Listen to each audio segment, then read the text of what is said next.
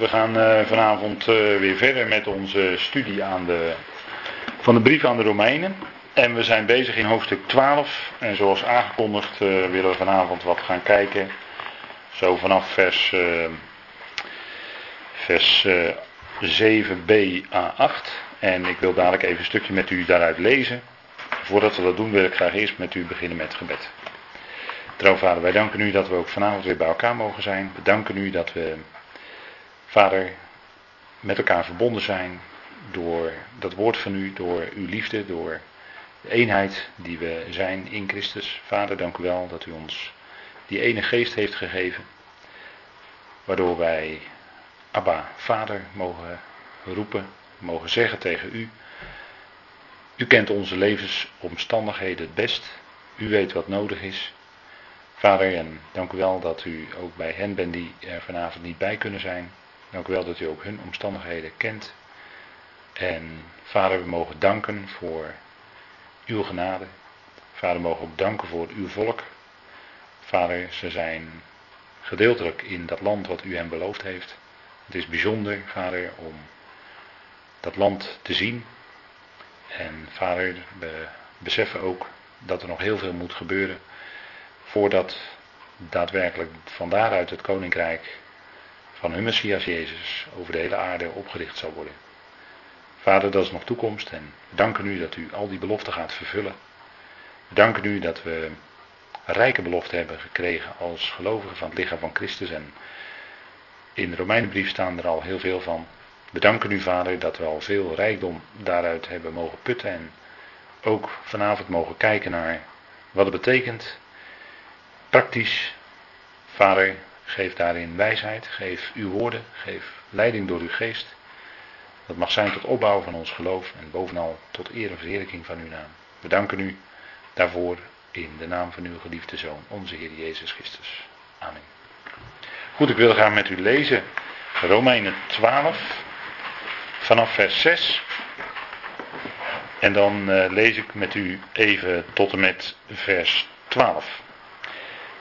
En er staat, en nu hebben wij genadegaven onderscheiden naar de genade die ons is gegeven.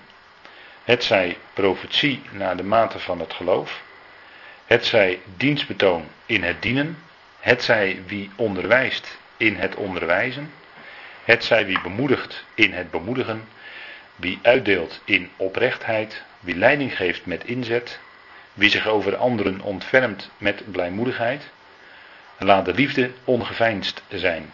Heb een afkeer van het kwaad en houd vast aan het goede. Heb elkaar hartelijk lief met broederlijke liefde. Ga elkaar voor in eerbetoon. Wees niet traag wat uw inzet betreft. Wees vurig van geest, dien de Heer. Verblijd u in hoop. Wees geduldig in de verdrukking. Volhard in het gebed. Even tot zover voor vanavond. Voor de lezing. En het is uh, natuurlijk een uh, gedeelte dat in groter verband staat en we hebben al met elkaar daarover uh, stilgestaan tot en met vers. Tot en met vers. Uh, ja, ongeveer vers 7.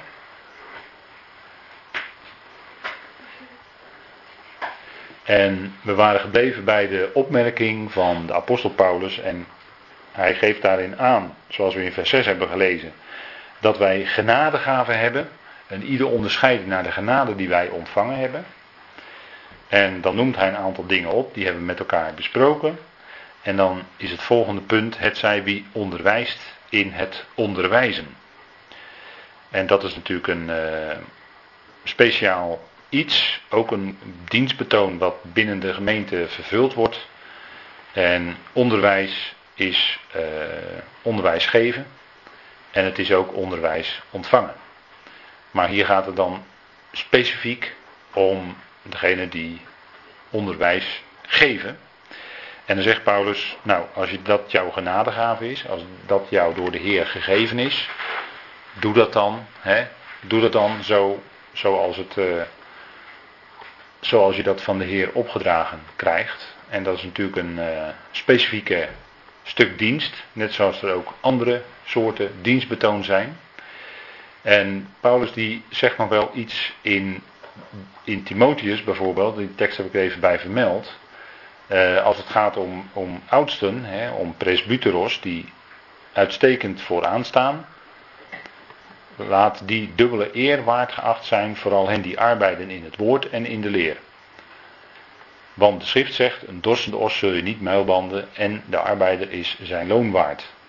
En Paulus zegt dus dat diegenen die dat doen, dat die dus uh, dubbele eer waard zijn. En hij ligt dat eigenlijk verder toe door te zeggen van nou, hè, de, de oudsten die dus uh, heel veel daarin uh, doen, die, dat die dus um, dubbele eer ontvangen. Dat wil zeggen, een dorsende os zul je niet muilbanden. De arbeider is zijn loon waard. Dus het heeft iets te maken met hè, iets meedelen. En daar komen we ook nog wel op. Maar iets meedelen aan uh, diegenen die daarin uh, uh, een bepaalde taak vervullen, om het zo maar te zeggen. Dat is even een ander aspect ervan. Nou, die onderwijs geven, dat is natuurlijk een hele belangrijke zaak. Waarom? Omdat je daarvoor de schriften natuurlijk goed moet kennen. En ja, je moet werken vanuit de grondtekst, hè, de tekst en goed alle aspecten om goed de schrift te kunnen uitleggen. Dat, dat is ook een bepaalde gave, dat is niet aan iedereen gegeven. En ja, dat vereist veel voorwerk, dat vereist veel kennis en dat vereist ook inzicht. Wat eigenlijk alleen maar de geest van God kan geven. dat, dat heb je niet van jezelf. En wij kunnen Gods woord ook niet zomaar verstaan. En in het onderwijs is het dus nodig dat diegenen die dat doen, dat ook zo kunnen overdragen dat de gelovigen dat begrijpen en daardoor ook opgebouwd worden. Nou, dat is natuurlijk een heel specifiek iets. En uh, Paulus die geeft daarin een, uh, een aanwijzing. Hè? Degenen die onderwijs geven, nou dat ook doen. En daarbij, uh, ja, dorst niet mijlbanden betekent ook niet dat die ook niet belemmerd worden. Hè? Dat kan natuurlijk door allerlei dingen gebeuren. En uh, ja, we moeten ook niet vergeten dat degenen die dus uh, onderwijs geven of uh, spreken, dat die, ja, die kunnen kritiek krijgen. Dat gebeurt ook. En dan is het zaak om ook op een goede wijze ja, met kritiek om te gaan. als er vragen zijn, soms hele kritische vragen, om daar goed antwoord op te kunnen geven. nou, daar, ook daarbij is een stukje genade nodig. Hè? Dat, dat mogen duidelijk zijn. En uh, Paulus was natuurlijk zelf iemand die uh, onderwijs gaf. En uh, hij gaf dat later ook door aan Timotheus. Hè, die hele speciale functie van. ja, om zeg maar de leraar te zijn. Paulus was de leraar van de natie. Hij gaf zijn taak zeg maar door aan Timotheus. En dan zie je ook dat hij bij Timotheus heel erg de nadruk ook legt op het spreken van het woord. En dat dat niet belemmerd wordt. En dat, dat is natuurlijk altijd iets waar de tegenwerker alles voor in het werk zal stellen om dat te belemmeren. En daarvoor is ook het gebed voor ons als gelovigen van nou, bid dat het woord van de Heer snelle voortgang mag hebben. Door, hè, door het gebied waar het in gebracht wordt. Als je dan kijkt bijvoorbeeld bij de Thessalonicense, die uh, hadden in korte tijd een heel groot gebied eigenlijk bereikt met het evangelie. En dat was toch wel bijzonder. Nou, de tegenwerker wil natuurlijk alles eraan doen om dat woord te verhinderen. specifiek als het natuurlijk om de gemeente liggen van Christus gaat. Want dat is nu eenmaal voor de tegenwerker het instrument in Gods hand, wat dus die hemelingen ook tot onderschikking gaat brengen. Nou, daarom is dat onderwijs geven binnen dat verband is ook heel sterk. Uh, is natuurlijk een heel belangrijk aspect dat uh, de, de geestelijke, uh, de geestelijke uh, dingen, de geestelijke waarheden, dat die doorgegeven worden aan de gelovigen. En het is natuurlijk ook in een opvolging aan de volgende generatie en weer een generatie verder. Dus dat het steeds weer goed wordt doorgegeven, is natuurlijk ook heel belangrijk. En nou, daarom is dit natuurlijk een, ook een belangrijke functie, een belangrijk iets binnen het lichaam van Christus. Wie onderwijst in het onderwijzen.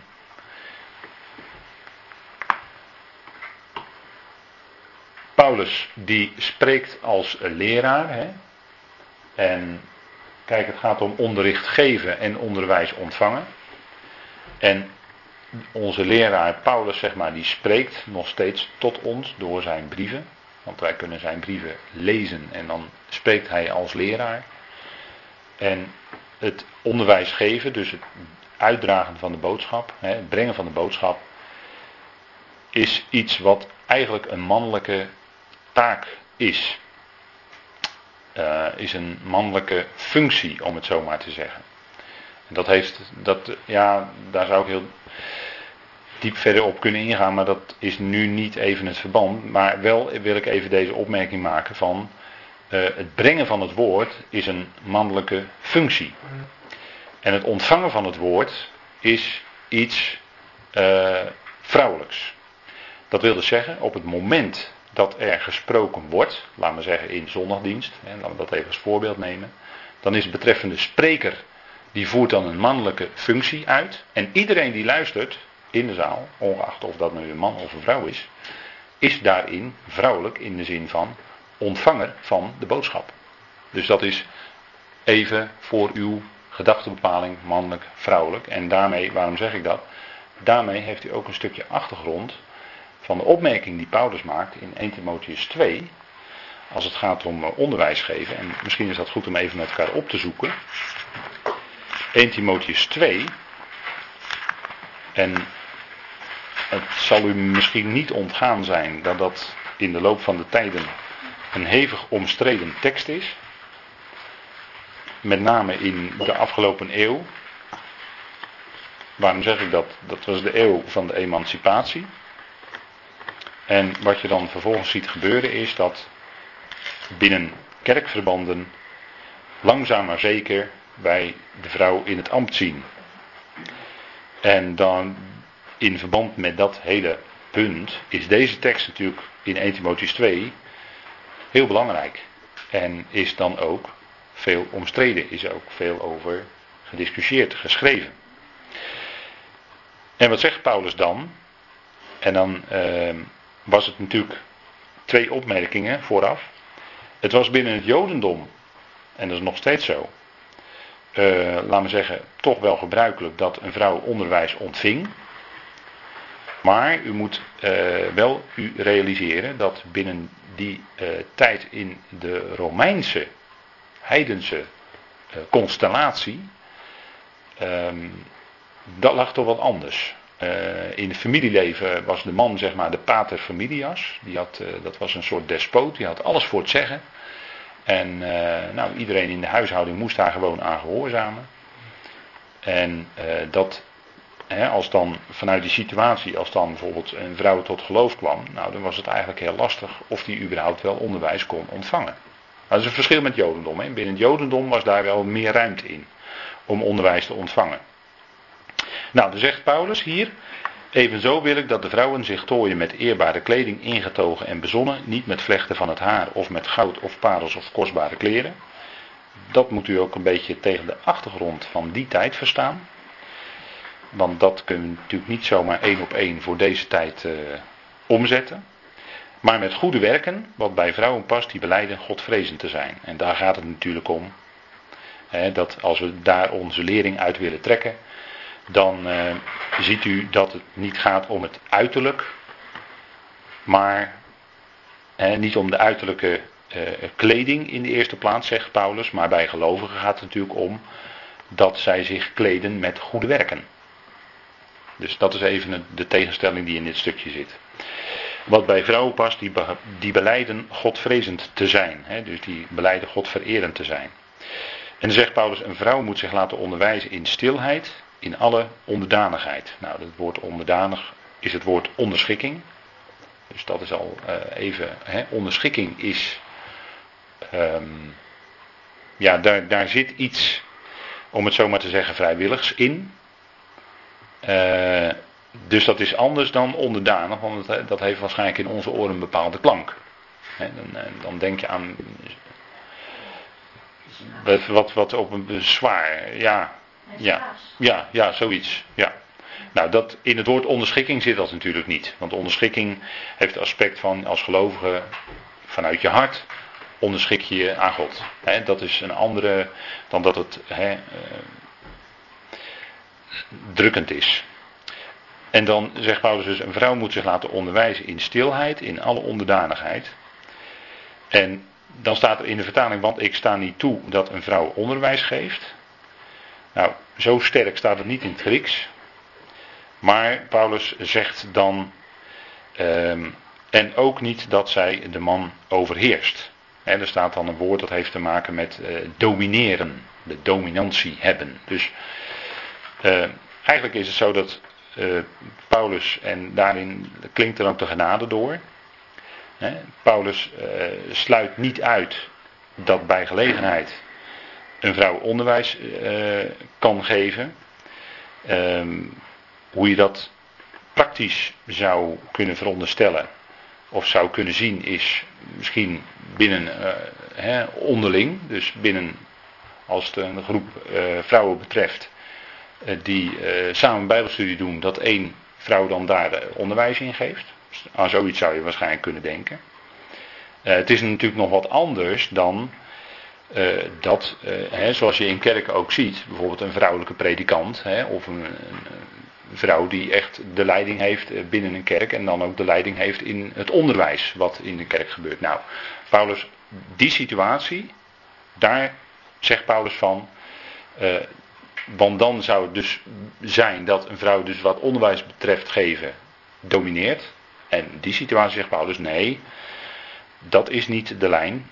De lijn is dat, uh, want hij geeft hier ook duidelijk natuurlijk aan eh, in, in allereerste plaats in vers 11 uh, eh, zich laten onderwijzen in alle onderdanigheid. En er waren misschien wel gedachten in die tijd van, ja, maar in Christus zijn man en vrouw gelijk en dus. Hè, en uh, verliepen de samenkomsten misschien ook niet altijd even ordelijk. Ik denk dat dat ook een opmerking, achtergrond is van de opmerking die hij plaatst. En als we verder kijken, in eh, vers 13 en 14, dan kijken we dus even op de context van vers 12. En dan zegt Paulus, want Adam is eerst gemaakt en daarna Eva. Dus dan noemt hij eerst de man en daarna de vrouw. Dat is wel een duidelijke opmerking, want die volgorde is belangrijk. En dat is ook de volgorde van de schepping. Eerst de man geschapen, daarna de vrouw. En niet Adam is misleid, maar de vrouw is toen zij misleid werd tot overtreding gekomen. Dus hier zegt Paulus, hier geeft Paulus wel een hint waarom hij hier aangeeft dat een vrouw, wat betreft het onderwijs geven, eh, op zijn minst erg terughoudend, hè, dat de gemeente daarin erg terughoudend zou zijn, heel erg terughoudend zelfs. En dan zegt hij dus, kijk, Adam is eerst gemaakt en daarna Eva, dus eerste man en daarna de vrouw. Dat is al de volgorde van de schepping. En plus het feit wat natuurlijk in Genesis in de hof gebeurde. Dat de slang dus erin slaagde om via de vrouw het menselijk paar te misleiden. En daar zit ook een punt. En Adam was degene die uh, bedoeld was om inderdaad die hof te bewaken en te bewaren. Dus die, die, die had daarin laten we zeggen, een, een plaats gekregen om daarin de verantwoording te dragen, de verantwoording te hebben. En eh, die lijn is ook uh, wat, wat Paulus hier aangeeft. Dat is ook, als het gaat om onderwijs geven, dat is ook de man, om, omdat onderwijs geven ook typisch iets, een mannelijke functie is, laat ik het zo zeggen, een mannelijke functie. Daarom dat de man daarin uh, vooraan staat. En de leiding heeft. Hè? Vraag hierover. Ik zie u allemaal heel nadenkend kijken, dus ik denk dat er zal vast wel een vraag zijn. Uh, al jaren over aan het nadenken. Ja. En uh, zelf dacht ik toen met de liturgie dat dat niet kon, omdat er zoveel onderwijs wordt gegeven via de liturgie. En dan eh, voor mezelf kan ik dat niet plaatsen. Maar dat, daar kan ik ongelijk in hebben, maar ik weet niet, uh, dat praat je dan alleen met de Heer over. Maar omdat je zegt, stel nou maar een vraag. Ja. Ik heb dat toen wel gelezen van jou, maar dat ja. er niet iets helders voor open. Maar Kijk, dit zou ik heel graag willen weten. Nou, kijk, liturgie is niet iets waar iets over geschreven staat.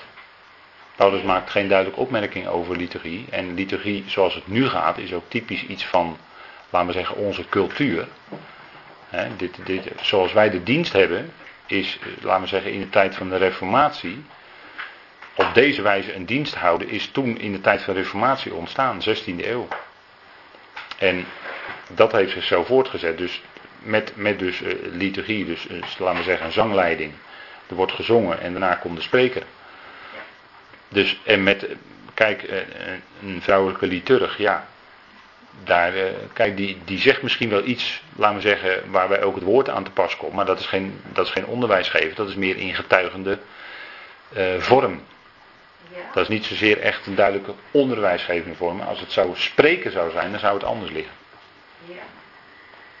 Er is een heel groot verschil tussen liturgie en ja. het spreken van het woord. Dat is nog wel wat anders. Maar, kijk, het is zo dat de liturgie eigenlijk de plaats van de predikatie inneemt, vind ik zo. Soms. Ja. Soms gedeeltelijk, ja, dat is waar.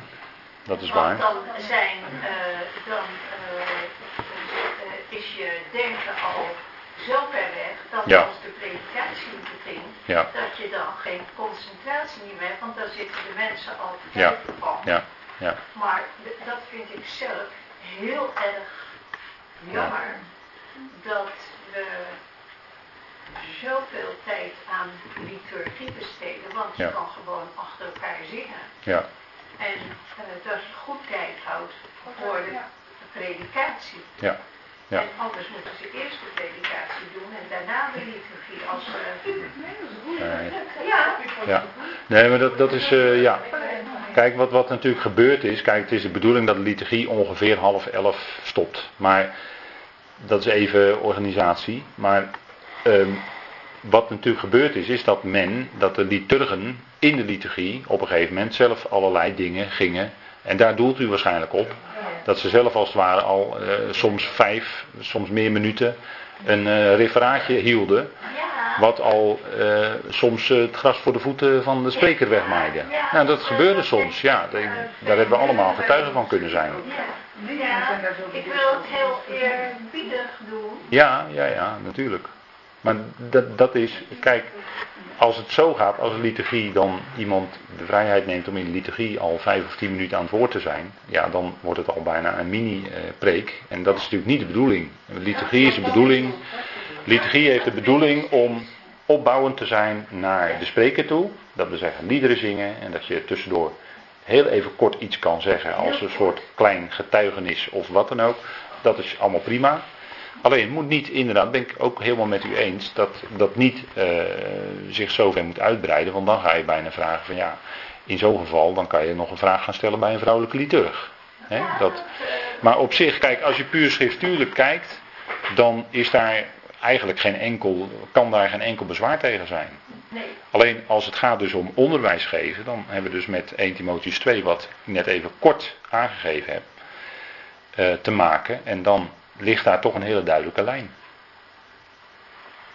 kijk, eh, ik denk, ik zal me onderschikken. Maar ik had er wel moeite mee in mijn Ja. hart dat het zo lang duurt. Ja. Ja. Nou, daar waren wel meer mensen die daar ook moeite mee Dat, hadden. weet, dat Ja. weet ik niet goed. Ja. Nou, ja, er waren wel meer mensen. En daar is ook wel eh, over gesproken, intern. Dus eh, ja, het is wel de bedoeling dat zo echt zo rond half elf eh, dat de spreker kan gaan beginnen, zeg maar. En die, ja, goed, die heeft eh 35, maximaal 40 minuten de tijd. In verband met televisie en noem alles maar op. Dus even, nou goed, ik denk dat toch vanuit 1 Timotheus 2 er een duidelijke lijn ligt. En die heb ik geprobeerd heel even in het kort aan te geven. Hè heb ik begrepen. Eigenlijk dan voor het eerst. Goed. En anders dan eh, belt, u maar, belt u maar op. U kunt mij bellen, ik ben de Bijbelkringleider, dus. Nee hoor, dat maakt niet uit. Dat maakt niet uit. Maar goed, ehm, nou dan gaan we door naar, want hier kunnen we natuurlijk ook wel eh, een paar avonden over spreken. Maar we gaan even door naar eh, vers 8 van Romeinen 12. Het zij wie bemoedigt in het bemoedigen. En het woord bemoedigen is uh, het bekende Griekse woord parakaleo. Hè, dat is een samengesteld woord. Dat betekent letterlijk langsbij roepen. Hè. Para betekent letterlijk langsbij. En kaleo is natuurlijk roepen hè, van ecclesia. Aanspreken. En eigenlijk heeft parakaleo toch vrijwel, nou ja, de meeste keren moet ik zeggen, een bemoedigend en een vertroostend karakter. Het is helaas in de NBG-vertaling nog alles met vermanen vertaald. Maar vermanen, dat zit niet zo in het woord parakaleo. En het woord vermanen zoals dat eh, binnen kerk en gemeente dan gebeurt, zoals dat gebeurt, daarvan vraag ik me af of dat in overeenstemming is met de genade die Paulus predikt. Ja, het, het, bekende vingertje, hè? Het, Nederlandse, het Nederlandse vingertje. Het Nederlandse domineesvingertje. Hè? Nou, dat, dat zit dus eigenlijk niet in het woord parakaleo. Hè, daar zijn we ook Romeinen 12 mee begonnen. Hè? Uh, dat Paulus ons erbij roept. Hè? Hij slaat als het ware de armen om onze schouder en hij wil nog een aantal dingen tegen ons zeggen. En dat is meer bemoedigend, vertroostend, dan dat het vermanend is. En dan kun je dit, rijtje van aanwijzingen die Paulus hier geeft, kun je ook heel makkelijk, heb ik toen bij de introductie of de inleiding van Romeinen 12 ook gezegd, kun je heel makkelijk opvatten als uh, allemaal weer regels. Maar zo is Paulus niet bezig. We zitten hier niet met een nieuwe, hè, een hernieuwde wetgeving van de Sinaï. Uh, niet op die manier. Maar we zitten hier bij Paulus en dan is het volop in genade. Dat moeten we nooit vergeten. Het evangelie is genade. Het evangelie is goed nieuws. Het is heel geweldig fijn nieuws. Het evangelie is genade. En u moet, uh, ja, we moeten ons gewoon bedenken dat al deze aanwijzingen die Paulus geeft, dat het eigenlijk allemaal genade is. He, dat het dat genade is. En dat je hierdoor persoonlijk, als Paulus dit noemt, zelf in je hart aangesproken kan worden. En dat er dan voor jezelf ook een stukje correctie in kan zitten. Ja, natuurlijk. Daarom zegt Paulus dat natuurlijk ook. Maar het is niet zo met de hè, zwaar waarschuwende, vermanende vinger. Dat zit er niet in, want het is, het is helemaal in genade. We zijn in genade geredden. En uh, er is geen veroordeling voor hen die in Christus Jezus zijn. Wie zal uitverkorenen van God kunnen beschuldigen? Dat is Romeinen 8. Ik kan de teksten wel langslopen, maar ik roep het even voor u weer in herinnering.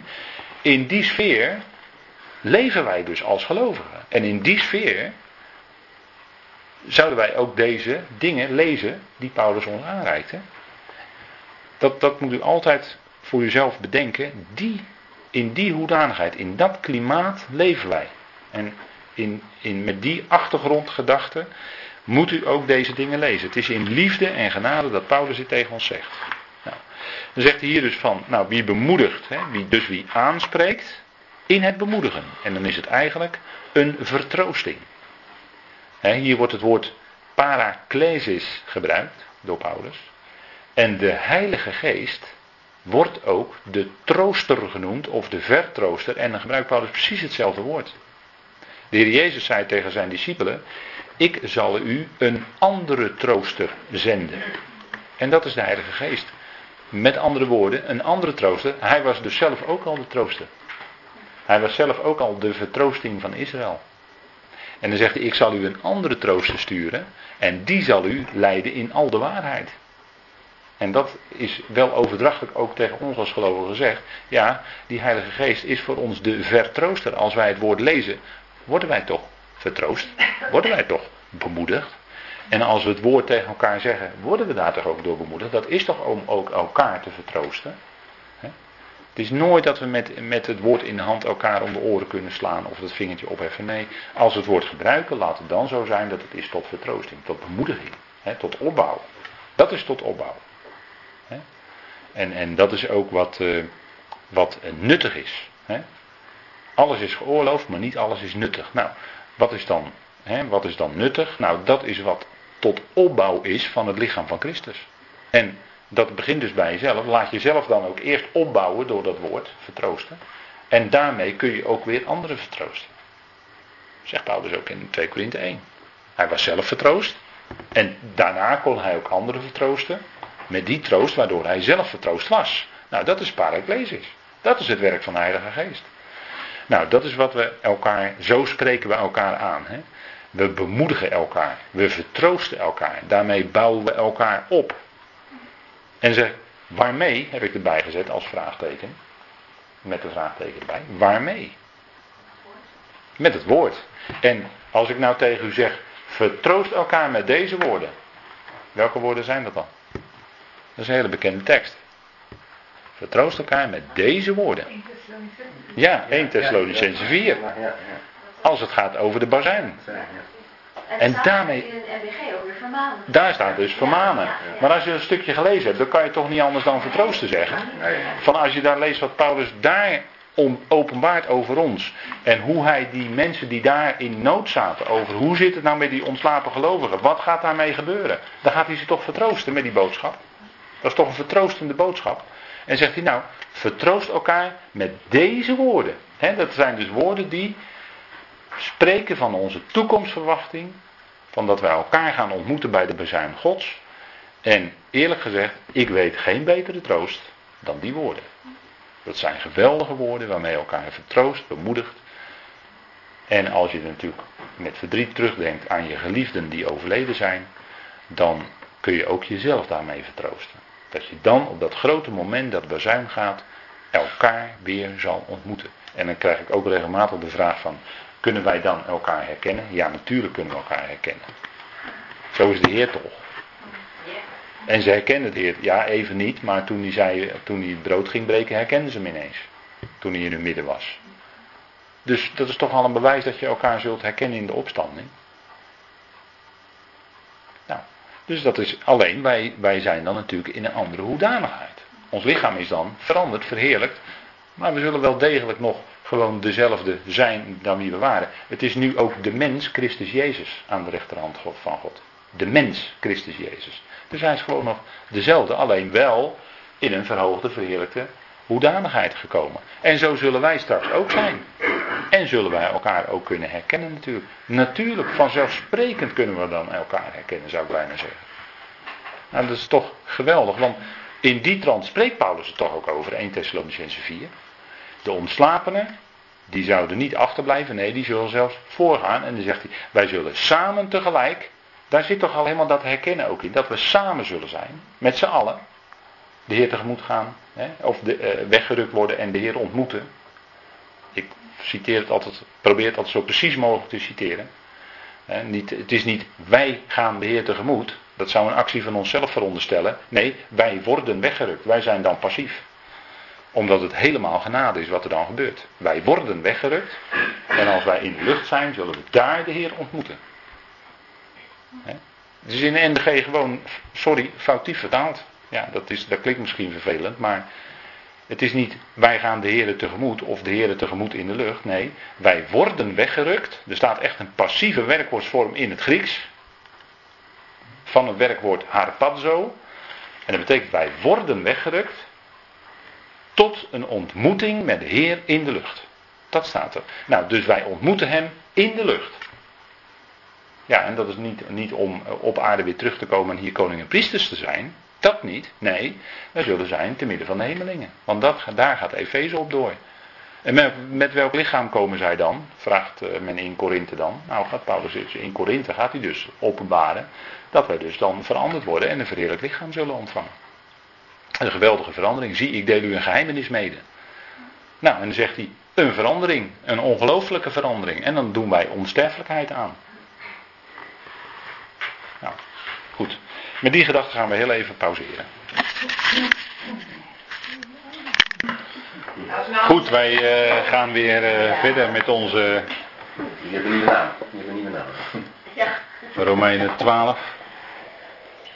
Goed, wie dan is de volgende aanwijzing die Paulus geeft. Wie uitdeelt in oprechtheid, staat er dan in onze vertaling. En er staat dan wie uitdeelt, letterlijk is er dan met geven, of medegeven, in oprechtheid. En dat woord oprechtheid is eigenlijk ehm, dat het niet samengesteld gebeurt. Wat bedoelde dan ermee?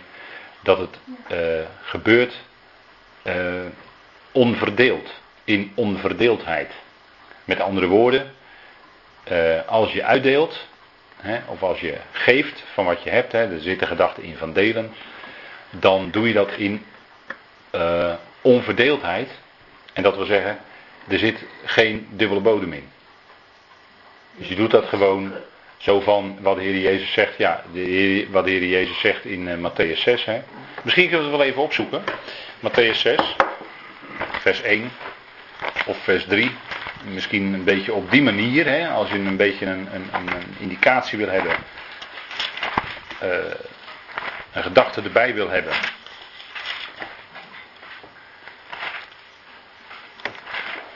Dan komt u een bekende uitspraak tegen. Maar die wordt ook wel eens anders gebruikt uh, Matthäus 6. En dan even vanaf vers 1.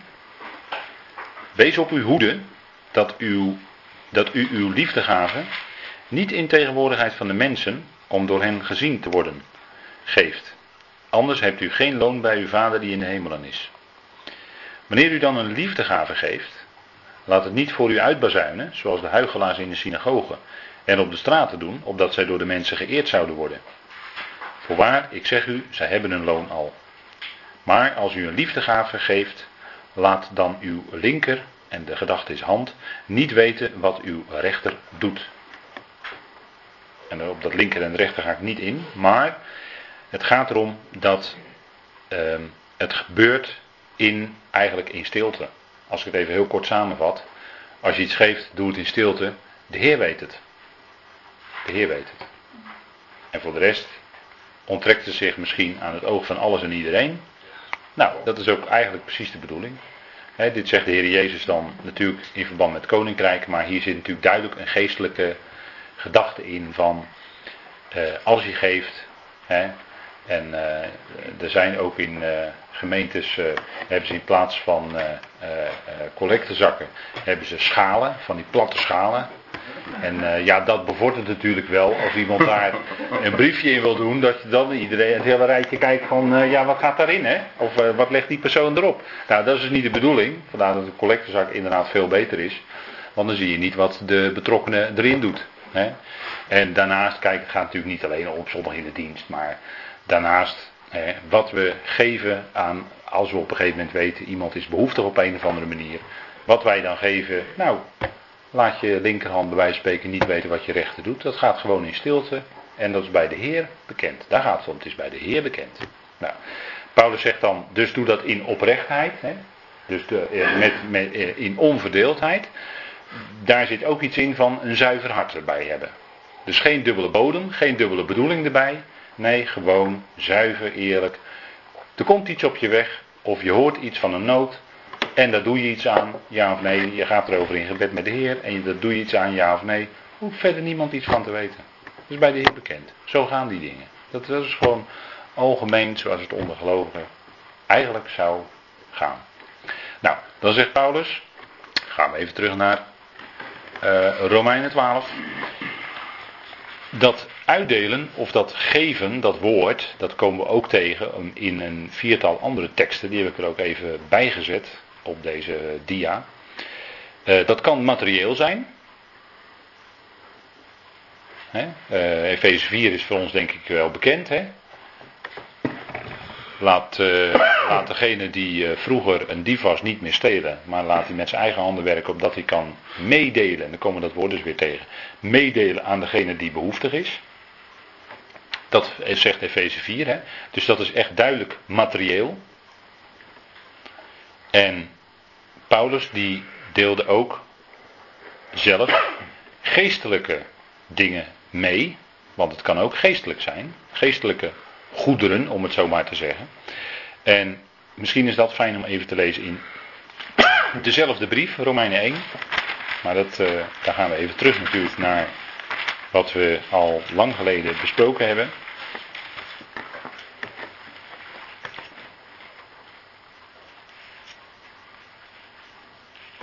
En ik, we beperken het nu even bij vers 11, Romeinen 1, vers 11.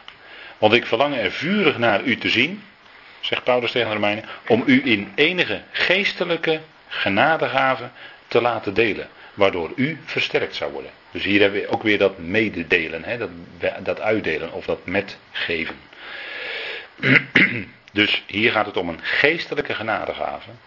Nou, dat is natuurlijk zijn, heeft natuurlijk alles te maken met zijn rijke evangelie.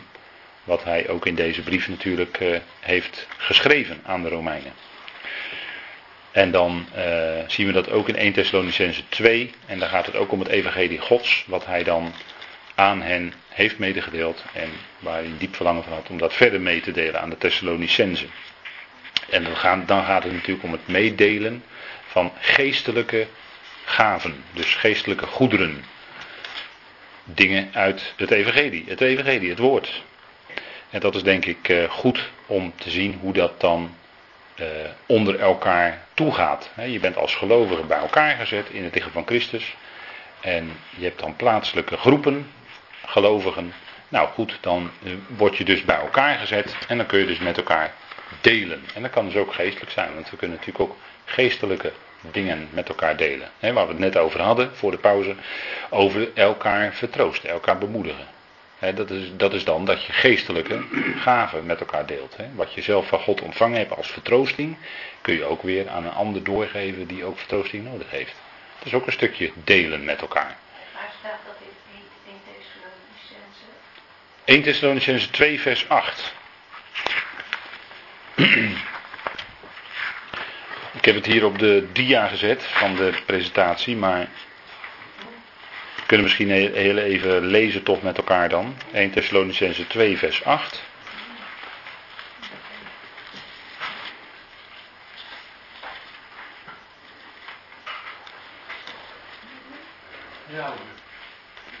Wij waren zo vol verlangen naar u dat wij graag en dan letterlijk, het heeft ons behaagd, hè, staat er dan bij in de herziene.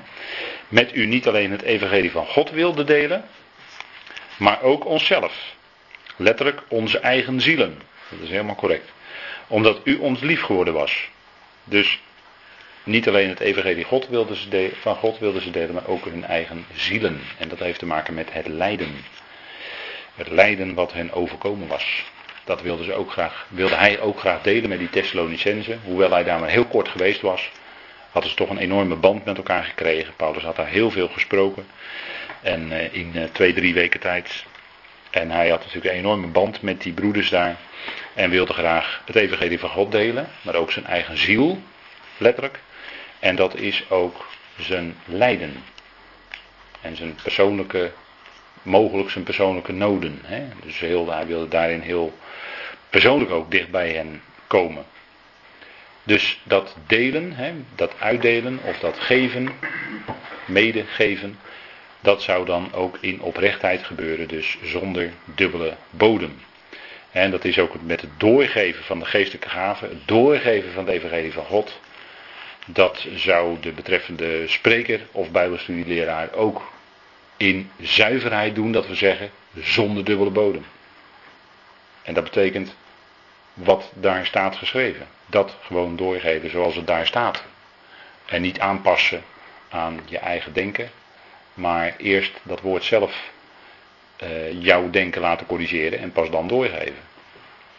Nou, dat uh, zo is dat eigenlijk een beetje de bedoeling.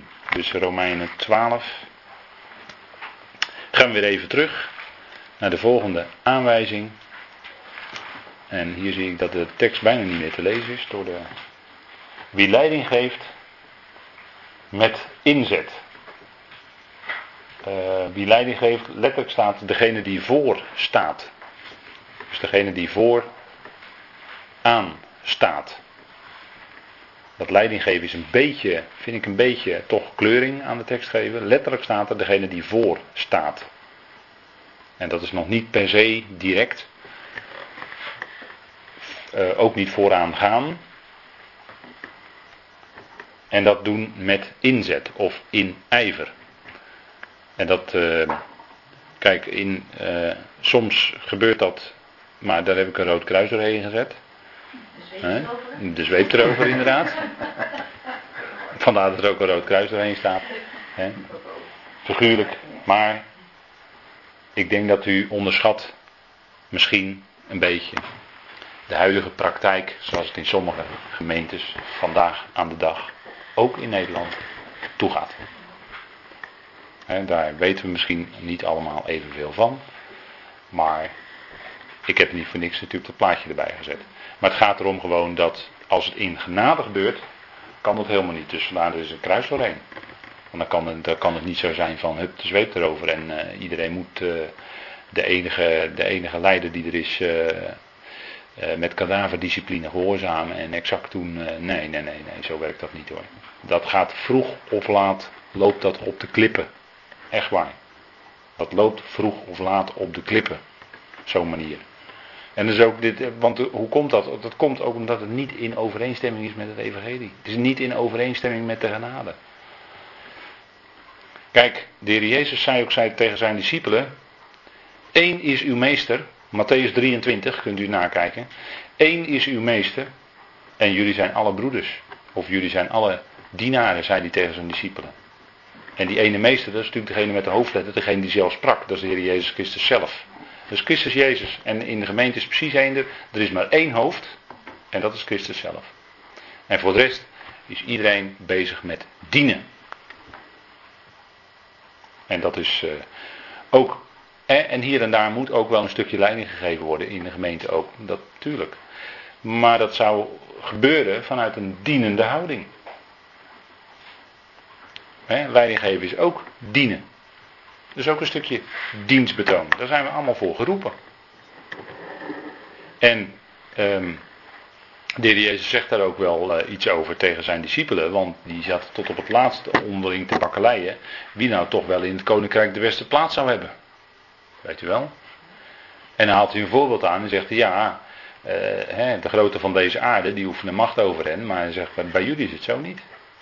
Bij jullie is degene die, uh, de, hè, laten we zeggen, degene die leiding heeft, dat is juist alle dienaar, zegt hij dan. Dus hij draait er precies om. Hij zegt in de wereld is het, ja, dat gaat, daar gaat het heel anders toe. Maar zelfs in verband met het koninkrijk zei de Heer al van, degene die de leiding geeft, het gaat om dienen. Het gaat niet om heersen, het gaat om dienen. En iedereen dient. Eén is uw meester en jullie zijn allemaal broeders. Dat is, dat is gewoon zoals het is. En er is maar één hoofd en de rest zijn allemaal leden. En de ene is een hand en de ander is een voet.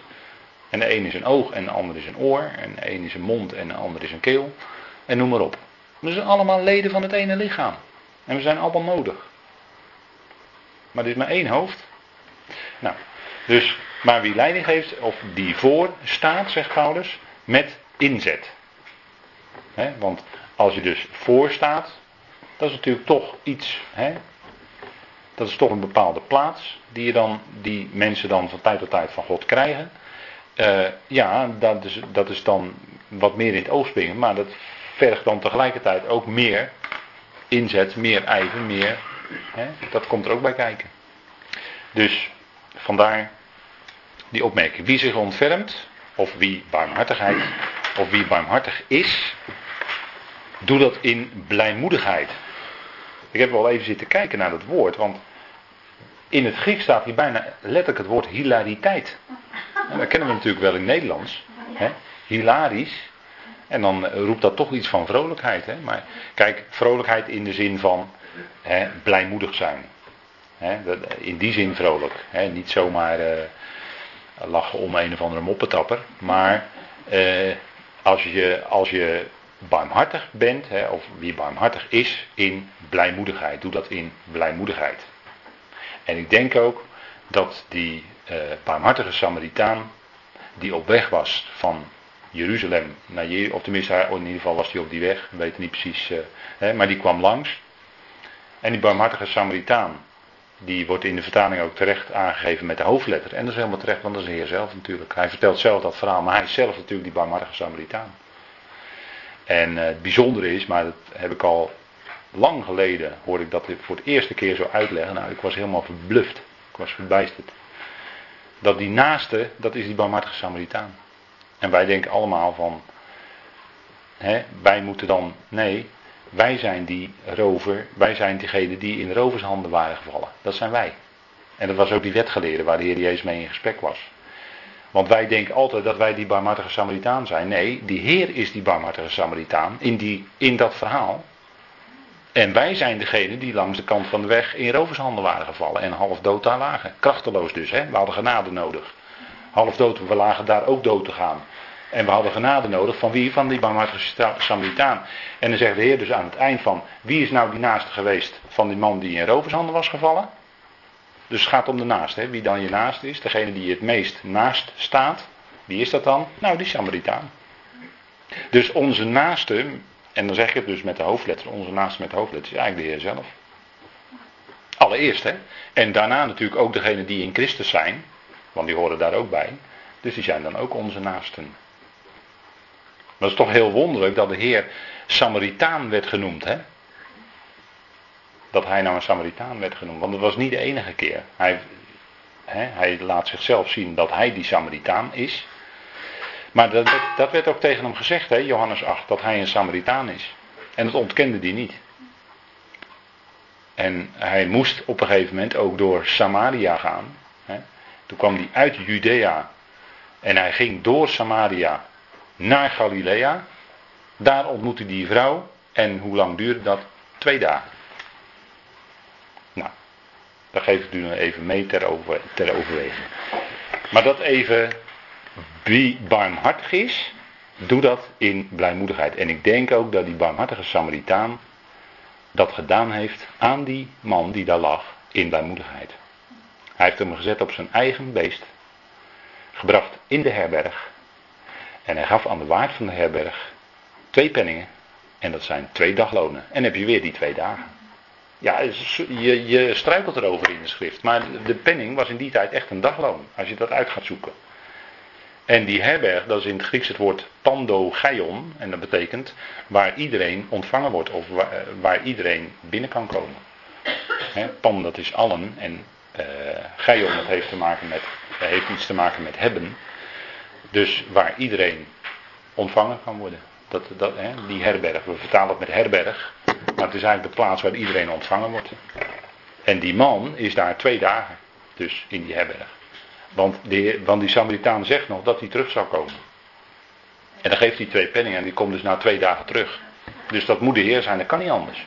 Maar dan heb je dus weer die twee dagen. En het heeft iets te maken met de Samaritanen. Of de Samaritaan. Maar goed, wie barmhartig is, dus de barmhartige zou dat doen in blijmoedigheid. En uh, nou, dat geldt natuurlijk voor ons als gelovigen. Als wij barmhartig zijn, dan uh, zou dat zou dat voor ons het moment kunnen zijn, hè, als we voor iemand anders barmhartig kunnen zijn, denk ik dat het voor ons een moment is van blijdschap in ons hart. Als we voor iemand anders barmhartig kunnen zijn. Want kijk, eh, iemand anders, eh, ja, u weet zoals het in de wereld toe gaat, maar wij rekenen met andere wetten, hè, wetmatigheden. Wij rekenen met de wet, wetmatigheid van de genade. En genade is iets wat vreugde brengt. En daarom is barmhartig zijn, heeft alles te maken natuurlijk met genade. Natuurlijk. De Heer is genadig en barmhartig. Dat is hij altijd al geweest. Dat zei hij ook tegen Mozes toen hij net de wet had gegeven. Maar die zei toen hij zich openbaarde, toen hij langs Mozes ging. En Mozes was toen in de rots, hè, hij was in de rots, in Christus. Dat is ook een beeld. Maar hij gaat langs en dan zegt hij: Ik ben de Heer, ik ben Yahweh, genadig, barmhartig, groot van goede tierenheid. Zo openbaart hij zich daar, hè, zie je. Dat is ongelooflijk. Dus het laat al zien dat de Heer altijd al zo was. Maar die wet, hè, dus die Torah, die is erbij gekomen. Hè, die is erbij gekomen, tijdelijk. Maar dat nam helemaal de belofte niet weg. En dat, dat gebruikt Paulus, dat noemt hij dan even in Romeinen 5, als hij gaat zeggen, ja nee, maar genade zit nu op de troon. Genade regeert vandaag de dag. En daarom zou het, als wij elkaar barmhartig kunnen zijn, dan wekt dat vreugde in ons hart. Want dat is die vreugde van de genade. Zo werkt het. En dat is de manier waarop we hè, toch met elkaar steeds weer als gelovigen hè, verder kunnen. Waarom? Omdat we elkaar in Christus ook aanzien. En omdat we elkaar niet langer kennen naar het vlees. En ik weet best wel dat het, dat het onderling onder gelovigen best wel eens moeilijk kan zijn. En dat het best wel eens moeilijk is om elkaar te dragen, te verdragen. Maar uiteindelijk zou de sleutel voor ons altijd moeten zijn hè, die genade. Waarin God ons draagt, die die ons schenkt elke dag. En dat kunnen we ook aan elkaar doorgeven. Uh, ja, makkelijk. Misschien niet altijd, of misschien zegt u meestal niet. Maar als je het doet, geeft wel vreugde in je hart. Absoluut. Nou, en dat is, dat is wat hier een beetje bedoeld wordt. Hè? Vandaar die uh, erbij. Naar wie toe barmhartig zijn? Nou, naar elkaar. Hè, dat staat er ook bij. Wie zich over anderen ontfermt of wie de ander uh, barmhartig is, doe dat met blijmoedigheid. Nou, dus natuurlijk eerst als gelovige onderling. Maar je zou die kring ook wijder kunnen trekken naar anderen toe. Hoewel dat misschien dan niet altijd begrepen wordt. Maar in ieder geval eerst plaats onderling. Hè? Nou, de liefde, gaat Paulus dan verder. De liefde is ongeveinsd. En dan heeft hij het over de agape. En het bijzondere is van dit rijtje aanwijzingen wat Paulus nu gaat geven, dat nergens zit er een gebiedende wijze in. Uh, vaak ook, ja, je hebt wel werkwoorden, maar dan is het allemaal Zoals, ik, ik heb geprobeerd dat een beetje weer te geven hier. zo staat het ook eigenlijk in de, de, de grondtekst. De liefde ongeveinsd. Meer zegt hij niet. Hij zegt niet, jullie onderlinge liefde moet niet gehuicheld zijn. Dus dat zegt hij niet. Maar hij zegt, de liefde, en dan gaat het natuurlijk om de agape. Dat is natuurlijk de gevende goddelijke liefde, de liefde van God. Is niet hypocriet. Er staat er ahypokritos in het Grieks. Dus niet gehuicheld of ongeveinsd. Dat betekent allemaal natuurlijk hetzelfde. Dus, en eigenlijk is dat ook het karakter van Gods liefde, de agape, die bewerkt eenheid. Hè, liefde bewerkt eenheid. En de liefde is dan per definitie, zou ik bijna willen zeggen, ongeveinsd. Anders, anders is het dubbel en dan is het ook niet Gods liefde. Dan, hè, zodra het dubbel wordt, dan is het, zodra het hypocriet is, dan wordt het je eigen liefde. Want dan zit, dan zit er heel veel van jezelf bij. dus het een sluit eigenlijk het ander al uit. maar Paulus onderstreept het met het woord niet hypocriet. Ongeveinsd. Nou, liefde bewerkt eenheid. Liefde is alles samen delen. Nou, dat is wel een, uh, leuke, denk ik. En uh, dat is eigenlijk ook wat in het Hebreeuws zit. Het Hebreeuwse woord is ahava. En dat, uh, dat, de agape lijkt daar heel veel op. En is daar ook van afgeleid waarschijnlijk. En dat heb ik wel eens gezegd hoor, denk ik. Uh, en het woord één, echat. Dus het woord ahava in het Hebreeuws en het woord echat, die hebben allebei dezelfde getalswaarde, namelijk 13. En dat is ook opmerkelijk. En als je dan die twee bij elkaar optelt, 13 plus 13, dan heb je de getalswaarde van de naam van God, Jaweh, dat is 26. Dat is geen toeval hoor. Dat is geen toeval. Liefde en eenheid, die komen namelijk bij God vandaan. Allebei. God is één, zegt hij ook, hè? Echad. De Heere uw God is één, Echad. Deuteronomium 6, vers 4 tot 6. Moeten die Joodse kindertjes, als ze nog nauwelijks kunnen spreken, moeten ze dat het eerst leren. De Heere uw God is één. Ja, toch? Nou, en ze leren daarna, hoop ik ook, dat hij ook liefde is. Dat hij liefdevol is en barmhartig en genadig. En dat zullen ze waarschijnlijk ook leren. Maar dat is wel, en die dingen hangen dus allemaal met elkaar samen. Hè. Hun God is één. En dan kan het ook niet anders dan dat uiteindelijk, en dat is ook, dan zitten we weer helemaal bij Paulus, dat uiteindelijk ook alles tot hem is. Dat alles dus in die eenheid terugkomt in God, alles in allen. Dat zit helemaal al in het echat. Want het is dan de, de slotsituatie is dan, dan toch dat alles één is. God alles in allen, dan is het toch een eenheid geworden, die schepping. En we zitten nu nog in de verdeeldheid. In de tegenstellingen tussen duisternis en licht, kwaad en goed, daar gaat het hier ook over. Hè? Heb een afkeer van het kwaad en houd vast aan het goede. Is gelijk de volgende regel. Dat is de verdeeldheid van nu, kwaad en goed. Maar die verdeeldheid is er straks niet meer. Als God alles in allen is, dan is die verdeeldheid opgegeven. Dan heb je dus niet meer die twee, maar dan is het één geworden. Vandaar ook dat de Bijbel begint met de letter beet, dat is de twee, om aan te duiden, niet alleen dat het het huis is van God, de schepping, Want het beet betekent huis. Maar betekent ook dat de verdeeldheid er is.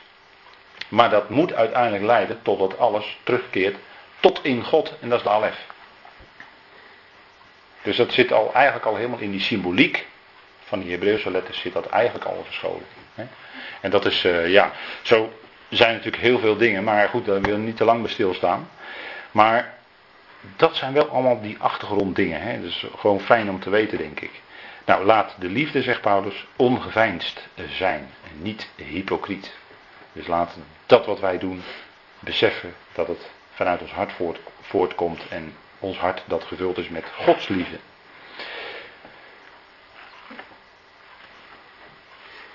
Verafschuwend het slechte staat er eigenlijk, of het boze. Verafschuwend het boze.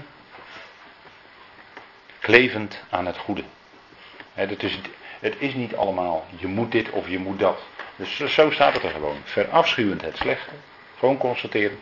Klevend aan het goede. En er staat ook het woord kolao in het Grieks. Nou, kolle, kolao. Kijk, kijk maar eens op een potje lijn wat u thuis heeft staan. Dan wordt het woord wordt vaak dat woord kolle. Dat is gewoon van het Griekse woord afkomstig. Betekent kleven. Klevend aan het goede. Nou, ik denk dat dat voor de gelovigen eigenlijk de nieuwe situatie is. Dat je eigenlijk automatisch het slechte of het boze verafschuwt. En dat je kleeft aan het goede. En dat je gericht bent op dat wat goed is. dat je gericht bent op dat wat dus tof is. Klevend aan het goede. Nou, ik denk voor ons uh, duidelijke duidelijke zaak is.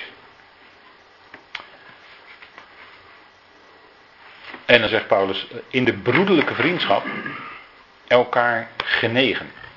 Nou, de broederlijke vriendschap, dat is de Philadelphia. Hè, dat is het bekende woord Philadelphia. Hè, er is ook een uh, gemeente die zo genoemd wordt in de schrift. In openbaring 3, hè, gemeente te Philadelphia. En dat woord wordt hier gebruikt, broederlijke vriendschap. dat betekent uh, philos, dat is niet agape, dus dat is een trapje lager, zeg maar. Maar philos betekent uh, elkaar, of broederlijke vriendschap, dus dat je goed met elkaar overweg kan. Maar dat heeft dan nog te maken met hoe je bent. Dat, dat is dan nog vaak toch nog een beetje gebaseerd op persoonlijke voorkeuren, eigenschappen, noem maar op. Vandaar, dat is nog niet de agape. Maar goed, Paulus zegt, broederlijke vriendschap, als dat er is, nou, wees dan elkaar genegen. Dan staat er voor dat genegen philostorgon, dat betekent een natuurlijke genegenheid. Ik heb het even voor u heel letterlijk vertaald, het zijn maar liefst drie Griekse woorden aan elkaar. Drie delen.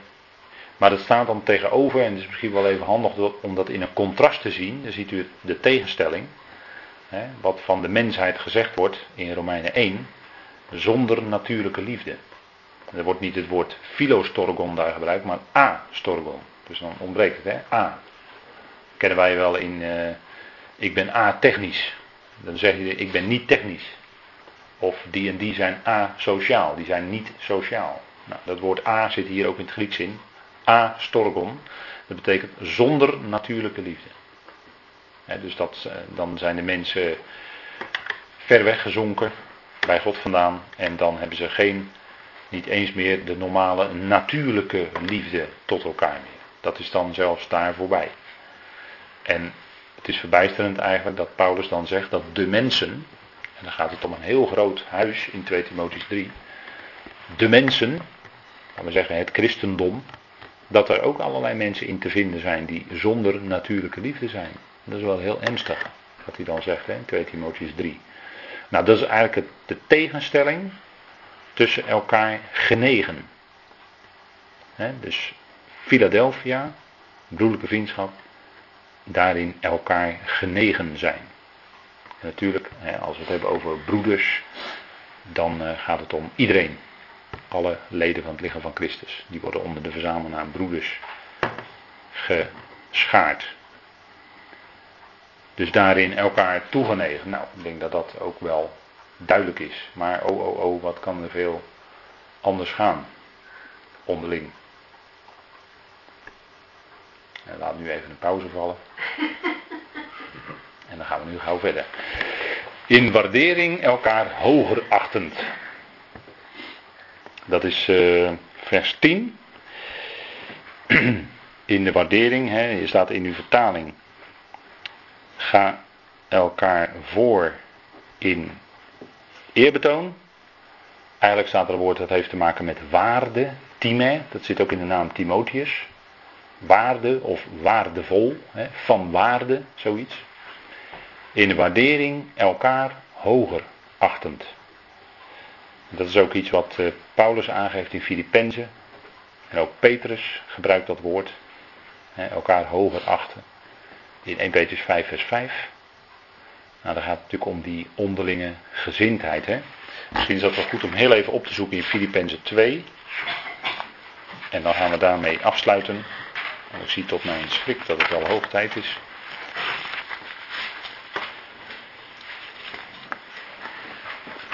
Filippenzen 2.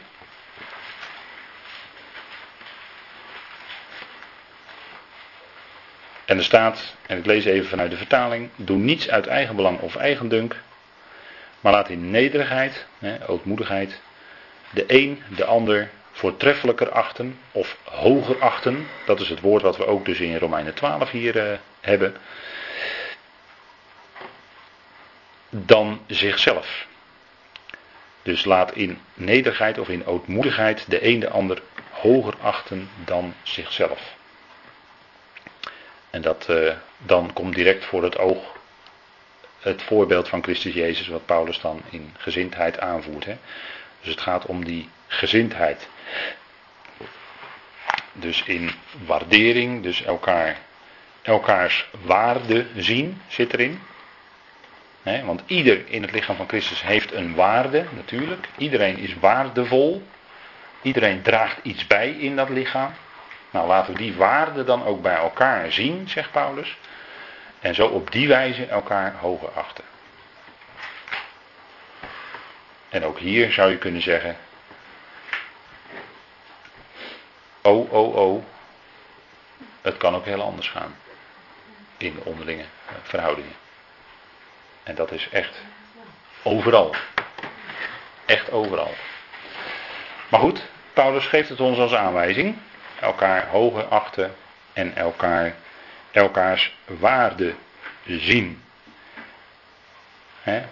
Je kan kritisch naar de ander kijken, je kan kritisch over de ander denken. En je kan daarbij ook bedenken wat Paulus hier zegt. Oké, ik heb misschien kritiek op die of die. Maar kan ik ook iets ontdekken bij die of die wat van waarde is? Waarin is die of die nou waardevol? En als je dat bedacht hebt, dan kan je misschien daarna denken van ja, nou kijk ik toch wel weer anders tegenaan. Hm? Zo zou je dat kunnen, misschien kunnen doen. Misschien bedoelt Paulus. Hè? Of dan nemen we even mee wat Paulus dan hier tegen ons zegt. Goed, nou ik wil het hierbij laten voor uh, vanavond, want het is weer de hoogste tijd.